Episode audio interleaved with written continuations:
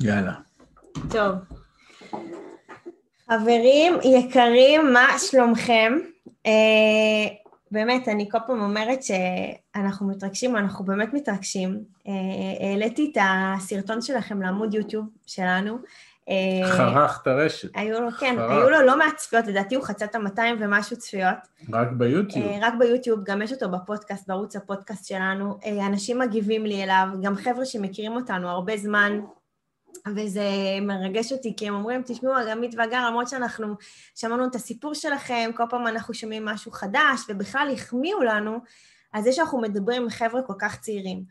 אז אני רוצה להגיד לכם שאיזה כיף לכם שאתם נחשפים. זה לא אומר שאתם מחר בבוקר כבר צריכים, אה, אני קוראת לזה לעבור מהאמושן לאקשן, אבל uh, אני מאוד שמחה, שמחה בשבילכם שיש לכם את האופציה לשמוע את הדברים האלה, להכניס את זה לתודעה ובהמשך גם לעשות עם זה משהו. אז כמו שתמיד אני רוצה להגיד תודה לאדם ועמית אה, האחראים על המועדון הנדל"ן, אני מקווה שאני אומרת את זה נכון, אה, על עצם ההזדמנות שהם הביאו אותנו, גם תודה לשוהם על החיבור. אה, וזהו, היום אנחנו נעבור לסשן השני. ולפני שאנחנו, אה, רק להזכיר שאנחנו רוצים אתכם בשיח, תרגישו חופשי לפתוח מיקרופון ולהגיד לנו, לשאול שאלה, הכל בסדר. בסוף גם אנחנו נגיע לשאלות תשובות, כמו שראיתם, אנחנו עונים על הכל. לא, אבל יותר מזה, אנחנו הפעם רוצים, אנחנו נשתף אתכם יותר, ויהיה במהלך ההרצאה, יהיו שאלות, ואנחנו נרצה לשמוע אתכם, כי להרצות זה סבבה, אנחנו רוצים להרגיש אתכם, והמימד הדיגיטלי הוא, הוא מצוין, אבל כיוון שאנחנו לא באמת רואים אתכם, אז לפחות שנשמע אתכם, או ש... אם יש צ'אט, שדברים כאלה, תענו לנו, זה כן, יהיה... כן, תרגישו חופשי באמת אה, לשאול הכל. טוב, אז... אה, אז רק זהו, אנחנו עושים תקציר המפגש הקודם, בשביל שיהיה לנו flow טוב. כן.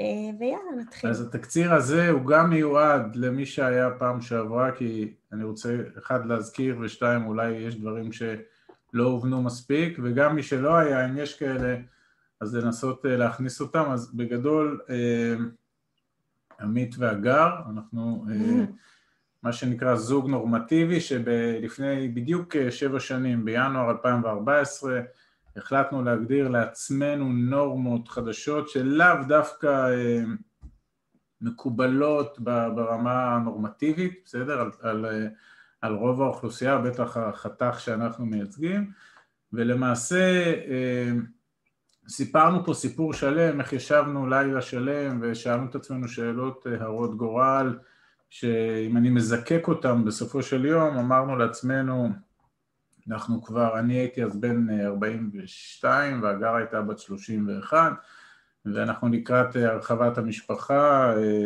אנחנו שנינו גרושים, הולכים להינשא פעם שנייה, יש כבר שלוש בנות שלי וידענו שיהיו עוד ילדים ו...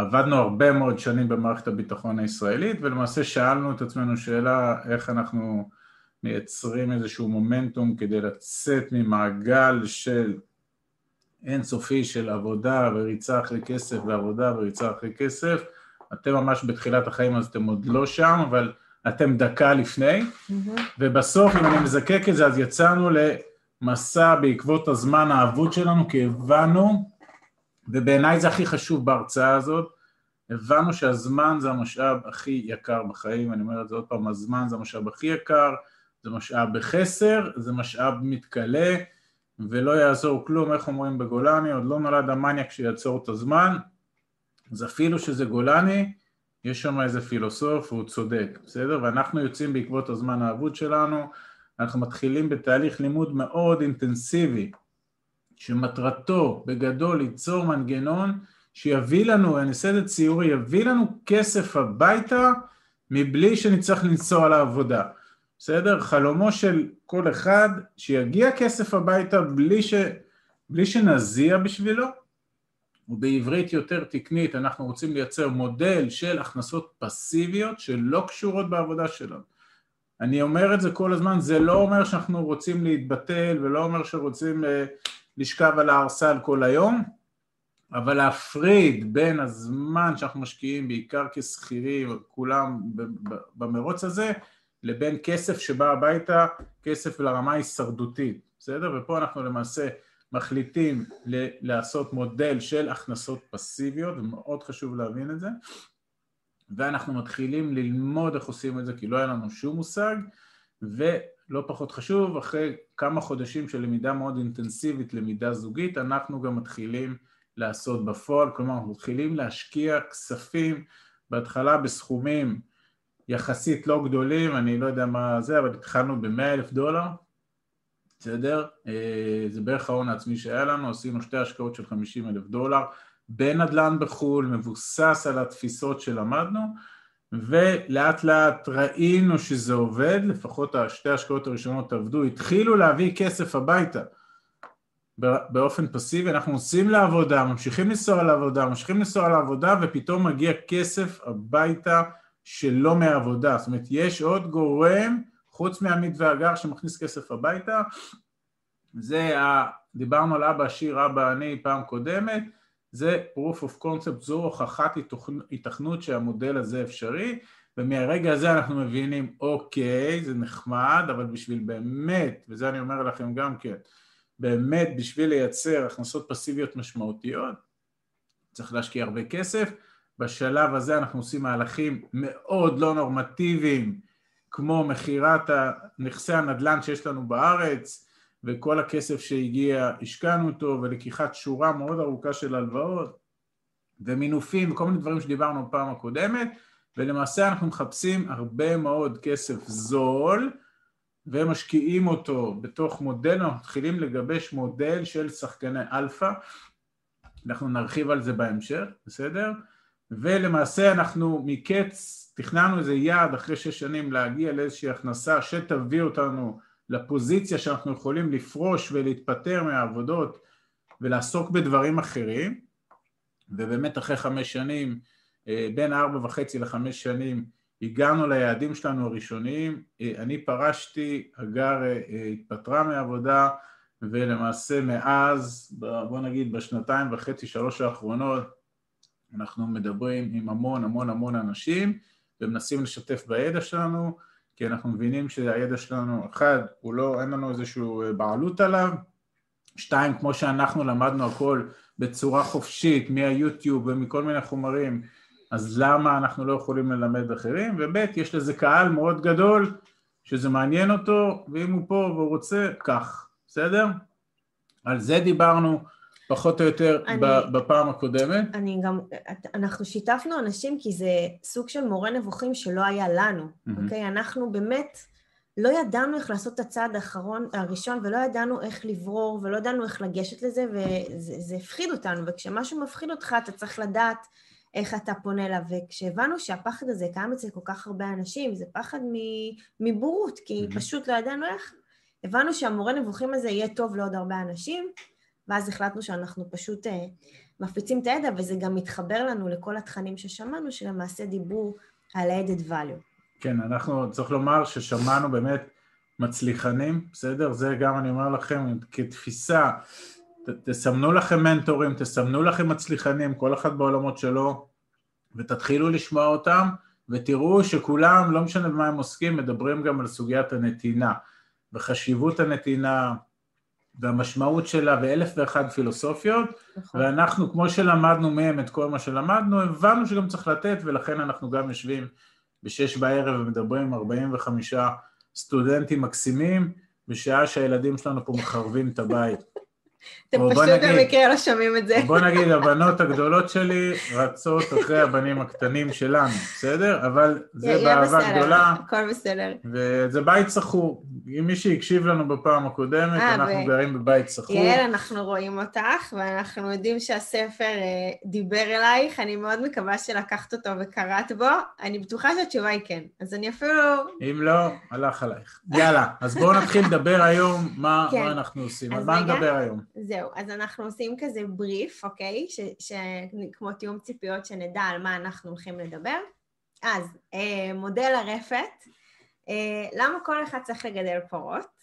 אה, אל תדאגו, אנחנו לא שולחים אתכם באמת לגדל פרות. אה, מה זה השקעה במודל של אה, ניהול סיכונים סיכויים? אה, איפה אנחנו משקיעים מקרו-מיקרו? אה, אנחנו נדבר על נישות בנדל"ן, אנחנו נדבר על סוגי עסקאות, מניבה, אה, השבחה יזמית וגם על עוד משהו קטן. אה, עם מי אנחנו משקיעים ומהו בכלל מודל בחירת שחקני האלפא שלנו, אוקיי? כל הקניין הרוחני שלי ושל עמית. אה, אנחנו נדבר קצת על יתרונות המינוף, יכול להיות שאנחנו טיפה נדלג עליו, אבל אה, נראה, זה תלוי... בסוף הכל נראה בזמנים, נראה גם בזמנים. דיברנו על זה פעם שעברה. זהו, אבל מה שהכי חשוב לנו זה שאנחנו הולכים להציג לכם פה אה, מגניב מאוד, שנקרא עסקת הנדל"ן הגרועה שלנו. ואנחנו הולכים פשוט לספר לכם על אה, יופי ממש בלתי נראה של עסקה שנכשלה מ-A to Z אצלנו, אה, וכמו שאנחנו, לא הכל אה, ורוד ונכשלים, ובשביל להיות מאוד מאוד טוב אתה חייב להיכשל בדרך, כי כמה שאתה חייב את החספוס הזה, אז עברנו את החספוס הזה ואנחנו משתפים אותו בחיוך גדול, ובאמת בשביל לעזור לאנשים לא ליפול איפה שאנחנו כבר נפלנו. צ'רצ'יל מגדיר uh, הצלחה, מעבר מכישלון לכישלון בלי להתייאש. בסדר? צ'רצ'יל? צ'רצ'יל, האיש היה פעם איזה ראש ממשלה בבריטניה. כן, מה עם טוב, הפרות האלה? טוב, אז ככה, אנחנו נדבר קצת על הפרות, uh, ואנחנו נסביר למה למעשה כל אחד צריך לגדל פרות. בסדר? עשינו כזה שקף, פה אני... לא, לא. כן. כן. אוקיי. אוקיי. אז ככה, אנחנו נסביר על השימוש בעולם הפרות והרפתות. אה, אנחנו מתייחסים ליחסים אה, שמניבים, כמו שהפרה מניבה חלב. למעשה התנובה אצלנו היא cash flow, אוקיי? כולם יודעים מה זה cash flow, נכון? כסף מזומן שמגיע. ואצל הרפתן למעשה ה-cash flow שלו זה החלב. עכשיו, בראש ובראשונה המטרה שלי ושל עמית הייתה לייצר לנו תזרים מזומנים שהולך וגדל, שנגיע לנקודה שבה אנחנו יכולים לשחרר את עצמנו מהצורך ללכת לעבודה. אני מזכירה לכם שדיברנו על זה שאני הבנתי שאנחנו הולכים לעבודה לקבל שכר ומשכורת, אבל אנחנו לא יכולים להתעשר, אוקיי? ואנחנו רצינו להרשות לעצמנו כל מה שבא לנו ולא התביישנו לדבר על זה, אנחנו עדיין לא מתביישים לדבר על זה, והנה אנחנו עומדים כאן ומדברים על זה. אה, ומה שהיה הרעיון שעמד כל הזמן זה להגדיל את ההון העצמי, בדיוק כמו שכתוב לכם אה, בשקף. ולאחר מכן, אחרי שאנחנו מגדילים את ההון העצמי, למעשה ההון הזה מתחיל לתת לנו תזרים שוטף, ערך, אה, הכוונה ל-cash flow, ואיתו אנחנו מתחילים לחיות. עכשיו, השתי שאלות שמגדירות את מודל הרפת נקראות הכמה ומתי שלי ושל עמית. עכשיו, אחרי שאנחנו מגיעים באמת להון העצמי שהגדרנו לנו, שזה הכמה, mm-hmm. אנחנו משקיעים אותו ואנחנו מפזרים אותו בהשקעות, בסוגריים פרות, מניבות. כן, שרק פה אם אני אוכל להיכנס, אז פרה בעולם שלנו זה נכס, פרה מניבה זה נכס מניב, ולמעשה אנחנו רוצים שהפרות יניבו לנו תשואה, החלב זה בסדר בשביל הדוגמה, אבל אנחנו רוצים תזרים מזומנים, וכמו שהגר אמרה, כדי להיות, להיות, להבין לאן הולכים עם זה, כי יש הרבה אנשים שהולכים להשקעות, אבל אנחנו רצינו ליצור פה אסטרטגיה השקעתית, ואז אמרנו, קודם כל אנחנו רוצים להבין כמה כסף, כמה הון אנחנו רוצים שינחת אצלנו בבית כל חודש, כדי שנגיע לפוזיציה שאנחנו משחררים את הזמן שלנו. שימו לב פה לשאלה, זה לא סתם אנחנו יכולים להשקיע פה ופה ופה, אלא קודם כל, שזה נגזר מאותו לילה שאנחנו משחררים את הזמן, כמה הון צריך לבוא כדי שנרגיש מספיק בטוחים שכרגע אנחנו לא נוסעים לעבודה כי הכסף מגיע ממקום אחר, בסדר? זה הכמה. נכון. עכשיו, התחשיב שלנו אומר שאנחנו מדברים על תשואה ממוצעת של 7% נטו לכל פרה, אה, והשאיפה שלנו, כמו שאמרנו, היא כל הזמן להגדיל את הרפת בשביל שהתזרים יגדל, בשביל לאפשר לנו את הכמה ומתי שלנו. ועכשיו יש לנו, יש לנו למעשה מעבר ברור שהוא מגידול ליניארי לאקספוננציאלי, ברגע שעודפי התזרים למעשה מהרפת מאפשרים לנו לרכוש עוד נכסים מניבים. כן. Okay? אוקיי? אז... רוצה להגיד על זה כמה מילים? כן, אז רק אני, אני אנסה פה זה. אז קודם כל, בהיבט של הפרות, אז רק פרט טריוויה שהפרה הישראלית זו הפרה הכי מניבה בעולם, היא מניבה כ-11 אלף ליטר בשנה, אבל אה, לא כי אני רפתן, פשוט קראתי את זה איפשהו, אבל מה שאני רוצה להגיד שאנחנו למעשה מבינים שכדי להגיע, ביום שאנחנו נגיע להון העצמי, שנגזרת של השבעה אחוזים ממנו, בסדר? אמרנו, עכשיו תכף נדבר על השבעה אחוז, אם אתם זוכרים גם, בדוגמה שנתנו שבוע שעבר, דיברנו על השבעה אחוז נטו, למה אנחנו מדברים על 7% נטו?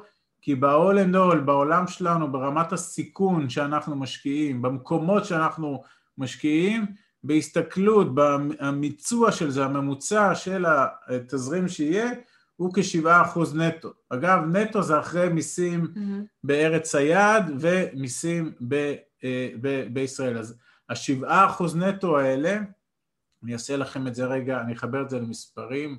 לדוגמה, משפחה בישראל רוצה 20 אלף שקל הכנסה פסיבית, אז על פי המודל שלנו, המשפחה הזאת תצטרך להשקיע במודל שלנו כשלושה וחצי מיליון שקלים, והשבעה אחוז משלושה וחצי מיליון שקלים זה עשרים אלף שקל בחודש. כלומר, עד היום שלמשפחה הזאת אין הון עצמי להשקעה בגובה שלושה וחצי מיליון שקלים, היא תצטרך את הכספים שיחזרו מהמנגנון, היא לא תצרוך אותם בחיים השוטפים, היא תצטרך באמצעותם להגדיל מחדש את ה...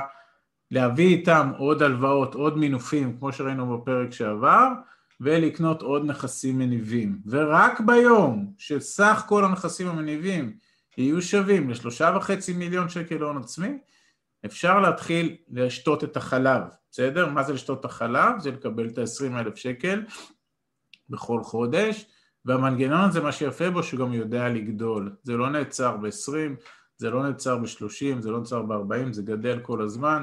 כמו שהגר אמרה פה, ברגע שסך ההכנסות מהמנגנון גדל מסך ההוצאות של התא המשפחתי, אז העודפים האלה חוזרים, המנגנון מאכיל את עצמו, ועם הכספים האלה רוכשים עוד נכסים שמגדילים עוד את התזרים, וזה גלגל שמייצר כסף לאורך זמן, ככל שתהיו בזה יותר שנים, יגיע יותר כסף הביתה. זה מודל הרפת, בסדר? זה מודל הרפת. ועל זה אנחנו מדברים. נכון, עכשיו כשאנחנו מתחילים לצלול למעשה לכל התחום הזה של ההשקעות, אנחנו מתחילים לשמוע מושגים, אוקיי? כמו ניהול סיכון סיכוי. עכשיו, אני באמת אומרת לכם, בתחילת הדרך המילים האלה נשמעו לנו כמו סינית, כי ברגע ששמענו סיכון, אז כבר הבנו שכנראה העסקה הזאת לא טובה, אבל אה, לאט לאט הבנו שכשמתחילים לדבר במושגים של ניהול סיכון סיכוי, יש סיבה לכך, ואנחנו מתחילים להבין שאנחנו, ההשקעות שלנו למעשה הן במודל של ניהול סיכונים סיכויים מול כל השקעה. ולמעשה, איך אנחנו עושים את זה? קודם כל, אנחנו, ההשקעות שלנו למעשה לא למעשה. ההשקעות שלנו הן אלטרנטיביות לשוק ההון. כן, אז מה, מה המושג הזה אלטרנטיבי לשוק ההון, אז אני אשאל אתכם מה, מה הכוונה, מה הבנתם מאלטרנטיבי לשוק ההון? מי יכול להגיד לנו מה זה השקעה אלטרנטיבית לשוק ההון? במקום כאילו. השקעה תחליפית. תציע את אותו revenue. לגבי ה-revenue אני לא יודע, אבל מה, מה, מה הכוונה שאני לא בשוק ההון? למה לא להשקיע בשוק ההון? מה, מה הבעיה במניות? מה הבעיה באג"חים? מה הבעיה בכל המדדים? למה לא להשקיע שם? למה להשקיע במקום, בדברים אחרים? יותר גבוה, יותר גבוה. מי? לא שמעתי? ככל שהסיכון יותר גבוה, הסיכון יותר גבוה, בעיקר בכל מה שקשור בשוק המניות. בסדר, אז אני יכול בשוק ההון לשים את הכל בכללי, הכל לקנות אג"חים, סיכון שואף לרצפה, מה הבעיה כאילו, למה, למה אני צריך אלטרנטיבה על שוק ההון? אני רוצה שתחשבו רגע, למה צריך אלטרנטיבה? יש מלא מס. לא, הכוח של מינוף. מס רווחי הון יהיה גם בנדל"ן. הלאה, מה עוד? הכוח של המינוף, נגיד אני סוחר בשוק ההון ויש לי תיק של 50 אלף דולר, אני לא יכול להתמנף עליו. אתה יכול לקחת בית, להביא 50 אלף דולר, ואם זה בארצות הברית, גם למנף 100% מהעסקה. אוקיי, אוקיי סבבה, מה עוד? אתה רוצה נכס פיזי פשוט. אוקיי, מה עוד? הכי נגיש. נגיש? נגיש? כן. מה זה אומר נגיש? אתם יודעים שהשקעות נדל"ן, בניגוד להשקעות בשוק ההון, הן לא נזילות. אתה משקיע עכשיו בנכס, זה לא מניה שכל דקה אתה יכול למכור ולקנות. זה מאפשר לך להיפטר ממנו מתי שאתה רוצה, ולקנות מתי שאתה רוצה. זה בשוק ההון, נדל"ן זה לא ככה, ממש לא. ממש לא. נדל"ן קניתי בית... אמרתי בשוק ההון. לא, אני אומר, אבל למה אני הולך לאלטרנטיבה לשוק ההון? למה לא בשוק ההון? למה לא לשים את כל הכסף בשוק ההון? מה הבעיה? כי ההכנסה פסיבית וזה לא פורטפוליו, אתה מקבל מהנכס, מעבר לגדילה האחוזית בפוטנציאל, יש לך הכנסה פרטית, שוק ההון צריך לפדות את המניות בסופו של דבר כדי ל... טוב, אז אני, אני אעזור לכם. קודם כל בשוק ההון יש גם מסלולים של חלוקת דיבידנד שהם סוג של תזרים מזומנים, בסדר? אמנם לא כל מניה תייצר דיבידנד, אבל יש מניות. ולכן לא זאת התשובה. התשובה היא מאוד פשוטה, חברים. כי לא שמים את כל הכסף שלנו באותו מקום, בסדר? שמעתם את הסיפור על הביצים שלא שמים את אותם, את כולם באותו סל, זה חוזר לפרות ולחקלאות. יצאנו מהלול, נשים את הכסף או את הביצים בשני סלים. עכשיו תשימו לב, אתם אולי, אולי עוד לא שמתם לב, אולי אתם לא מבינים את זה או לא, לא חשבתם על זה, אבל האנשים הבוגרים, כל הכסף שלהם, או הרוב המוחלט שלו מנוהל בשוק ההון, בפנסיה זה שוק ההון, ביטוח מנהלים זה שוק ההון, פוליסות חיסכון זה שוק ההון, קרן קרן השתלמות זה שוק ההון, קופת גמל זה שוק ההון, כל הכספים של כולנו בשוק ההון. עכשיו שוק ההון, במרץ 2020, אתם יודעים מה קרה לו? לאן הוא הלך? מה הוא עשה במרץ 2020? מה קרה לו? תרסק. פייפן.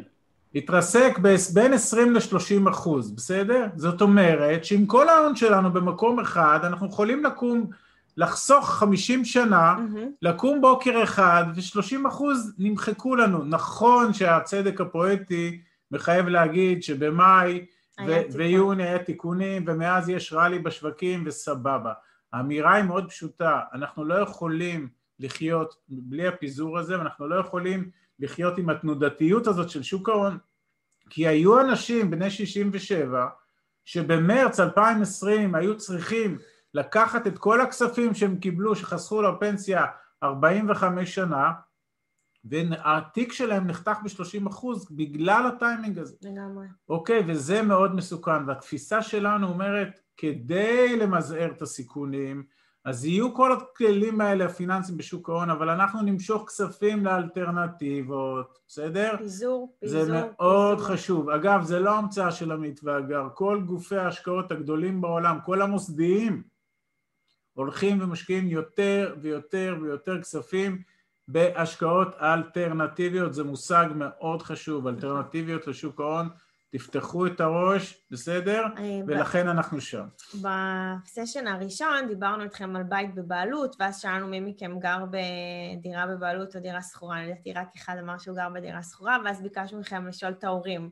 אם תרצו לשתף אחר כך אה, משהו שהיה איזו שיחה, נשמח לשמוע. אה, וגם מכאן, אה, מה שאנחנו רוצים שתיקחו ואולי תשאלו בבית, אנחנו לא יודעים לכמה מכם יש אה, קרנות השתלמות או קופות גמל, ובאמת תבדקו איפה זה נמצא, אוקיי? תראו באמת את הנכסים שלכם, הנכסים גם הכספיים. דברו עם ההורים. כן, כן, אני אומרת, אבל כן. גם תסתכלו עליכם, כי חלקכם יכול להיות שכבר עובדים ואולי מפרישים לכם באיזה מקום, תבדקו את הפיזור, תבדקו איפה הכסף שלכם נמצא, תבדקו כמה אתם משלמים, איך זה נקרא? אה, כן, דמי ניהול. דמי ניהול כן. וכזה, זה, זה חשוב לבדוק את הדברים האלה, כי בסוף זה הכסף שלכם, וכמובן, כמובן, תיקחו את המידע הזה, תרשמו לכם רגע כוכבית, לשאול את ההורים ולבדוק איך אצלם נראה הפיזור. האם יש פיזור להורים? האם הם חשבו לפזר? בסדר? לפעמים אני אומרת... רוצים סוד? כנראה שהרוב כנראה לא. שלא, ולצערנו אנחנו נפגשים עם אה, אנשים בגילאים של ההורים שלי, גם של ההורים של עמית, ואנחנו מגלים שהם בכלל לא ידעו את הדברים האלה, והם בכלל לא מבינים שאפילו הכסף שלהם נמצא בשוק ההון, והם אפילו לא יודעים באיזה מסלול של... אה, איך הוא מחולק מבחינת הסיכונים שלו. אז קחו את זה טיפ מאיתנו אני רק אליכם. אסכם, שוק ההון הוא מצוין, וזה, כמובן, ואפשר כמובן. לעשות שם נפלאות ואפשר הכל. אנחנו טוענים כתפיסה, אי אפשר שכל הכסף של תא משפחתי נמצא שם. באותו מקום, ולכן אנחנו מחפשים אלטרנטיביות, נכון. אוקיי? עכשיו נתקדם קצת, כן. ודיברנו למה אנחנו אה, רוצים לשאול אתכם, רשמתי כאן בשקף, כל ההשקעות מייצרות למעשה הכנסה פסיבית ב-100%, ולמה אתם חושבים שזה מה שאנחנו רוצים לעשות? זאת אומרת, חוץ מאלטרנטיבות בשוק ההון, זה גם הכנסה פסיבית ב-100%. למה אנחנו רוצים הכנסה פסיבית? מה, מה אני ועמית מחפשים? זמן. נכון. מצוין. מצוין. כלומר, אם אנחנו נלך לנהל את ההשקעות האלה, אז נעבוד בזה, נכון? מה עשינו? החלפנו עבודה בעבודה. לא בשביל הילד הזה פיללנו. אנחנו רוצים שההשקעות יביאו לנו, בסדר, בואו נדמיין את זה הכי ציורי, אנחנו עכשיו מנמנמים על הארסל והכסף מגיע. אנחנו לא יודעים, אנחנו לא המומחים בתחום, והכסף מגיע בצורה פסיבית, זה החלום שלנו. עכשיו, אה, כל רגע, ההשקעות... גם שאלה? כן. בטח. כאילו הכוונה היא שאין התנהלות מול דיירים, אין התנהלות, אה, כלום. יש נזילה, דבר איתי, כאילו, כלום. אפס, כלום. כלום. כלום. אנחנו לא יודעים דיירים, לא יודעים תריסים, לא יודעים שיברים, לא יודעים כלום, בסדר? אנחנו, הנה הכסף, והכסף הזה, תכף תראו מה הקסם שיביא לנו כסף בלי שאנחנו מתעסקים איתו, בסדר? 100% פסיבי, אם ההשקעה לא תהיה 100% פסיבי, לא נעשה אותה. היא לא במודל, בסדר? היא לא במודל. בוא אז נתקדם. אה, כל ההשקעות אה, מבוצעות אה, עם השחקנים הטובים ביותר בתחומם, וזה נקרא מודל בחירת שחקני אלפא, אנחנו נרחיב על זה, הולך להיות פה פרק מאוד ארוך בנושא, ואנחנו הולכים לחפש בטוחות גבוהות ככל האפשר לכספי הקרן שלנו, אוקיי? עכשיו אתם, מה... בואי, בואו כן. נבין עוד פעם את המשפט. בטוחות גבוהות ככל האפשר לכספי הקרן. תסבירו לנו מה זה בטוחות ומה זה קרן. על הכסף שאני השקעתי, מי מבטיח לי אותו שאני אקבל אותו בחזרה, או שאם קורה איזשהו משהו, הוא לא ייעלם לי ביום מן הימים. זאת אומרת, גם אם אני נניח משקיע באיזשהו מישהו בנדל"ן, כן. הוא מנהל לי את הכל, מה, מה הבטוחה באמת שנניח אני משקיע בנדל"ן בארצות הברית, מה הבטוחה שלי שבאמת הנדל"ן הוא שלי? אוקיי, אוקיי. ומה, ומה- ואיך איך רואים, ומהי ב- סוג של בטוחה? מה, מה זה? או נהיה טאבו, או... כן, לדוגמה, אם הנכס רשום על שמנו בטאבו כאן, או בארצות הברית או בגרמניה, זה סוג של בטוחה, זה קשר אותנו בחוזה עסקי, ובתרחיש קיצון שקורה משהו, הנכס הוא שלנו, החלק שלנו היחסי. זה, זה סוג של בטוחה, בסדר? יש את זה בנייר ערך אגב? בשוק ההון יש בטוחות? חבר'ה? בטח שיש בטוחות. איזה? המזומן, בתיק. לא, מזומן בתיק. עכשיו קנית מניה, יש בטוחה עליה? טסלה עלתה, ירדה, יש בטוחה? לא, לא. אין, חבר'ה, ירידה אין. בנייר ערך אין, אין בטוחה, בגלל זה הרבה אנשים מרוויחים כסף ועוד יותר מפסידים כסף. אין, אתם לא, זה לא מחובר לכלום, זה, בסוף זה סוג של חוזה בין אנשים, זה, זה, זה, זה מניה. ברגע שיש לך נכס נדל"ני או נכס פיזי והוא רשום איפשהו באיזשהו מנגנון, זה סוג של בטוחה, בסדר? נכס או קרקע או לא משנה. עכשיו, מה זה קרן? מה זה הקרן? הכסף שלך.